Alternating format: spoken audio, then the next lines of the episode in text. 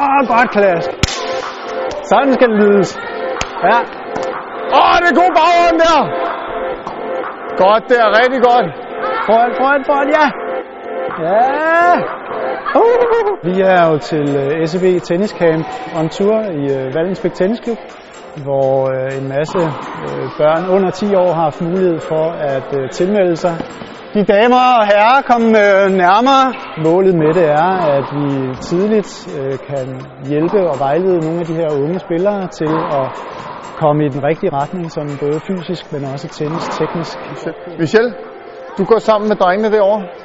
Vi har øh, gået en masse ting igennem. Vi har set på, på spillerne, hvordan deres, også deres fysik er, hvordan om de laver split step, hvordan deres atletiske holdning er på banen, om hvad, deres øh, forhåndsgreb er, hvad deres baghåndsgreb er, hvordan deres sving er, både forhånd og baghånd, hvordan de er i neutral stilling, hvordan de er i åben stilling. Øh, og så har vi set på serven, hvad er det for et greb, de øh, bruger i, i serven. Øh, og så lavet nogle øvelser, lavet nogle test med dem. Godt, Marie. Rigtig godt, Marie. Specielt med det øh, atletiske øh, og kroppens bevægelser er det vigtigt, at man i en tidlig alder har fået lært alle de grundlæggende ting. Og herude på midten, der skifter vi til den anden fod. Kommer man med en mangel senere hen i sin tenniskarriere, så kan det blive en begrænsning på de øh, præstationer, man eventuelt kan levere. Ej!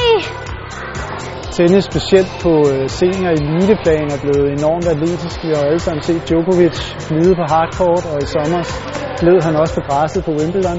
Og det er der flere og flere øh, af spillerne, som kan, og det stiller utrolig krav til spillernes atletiske kunde. Og så kommer Michelle med fuld gas.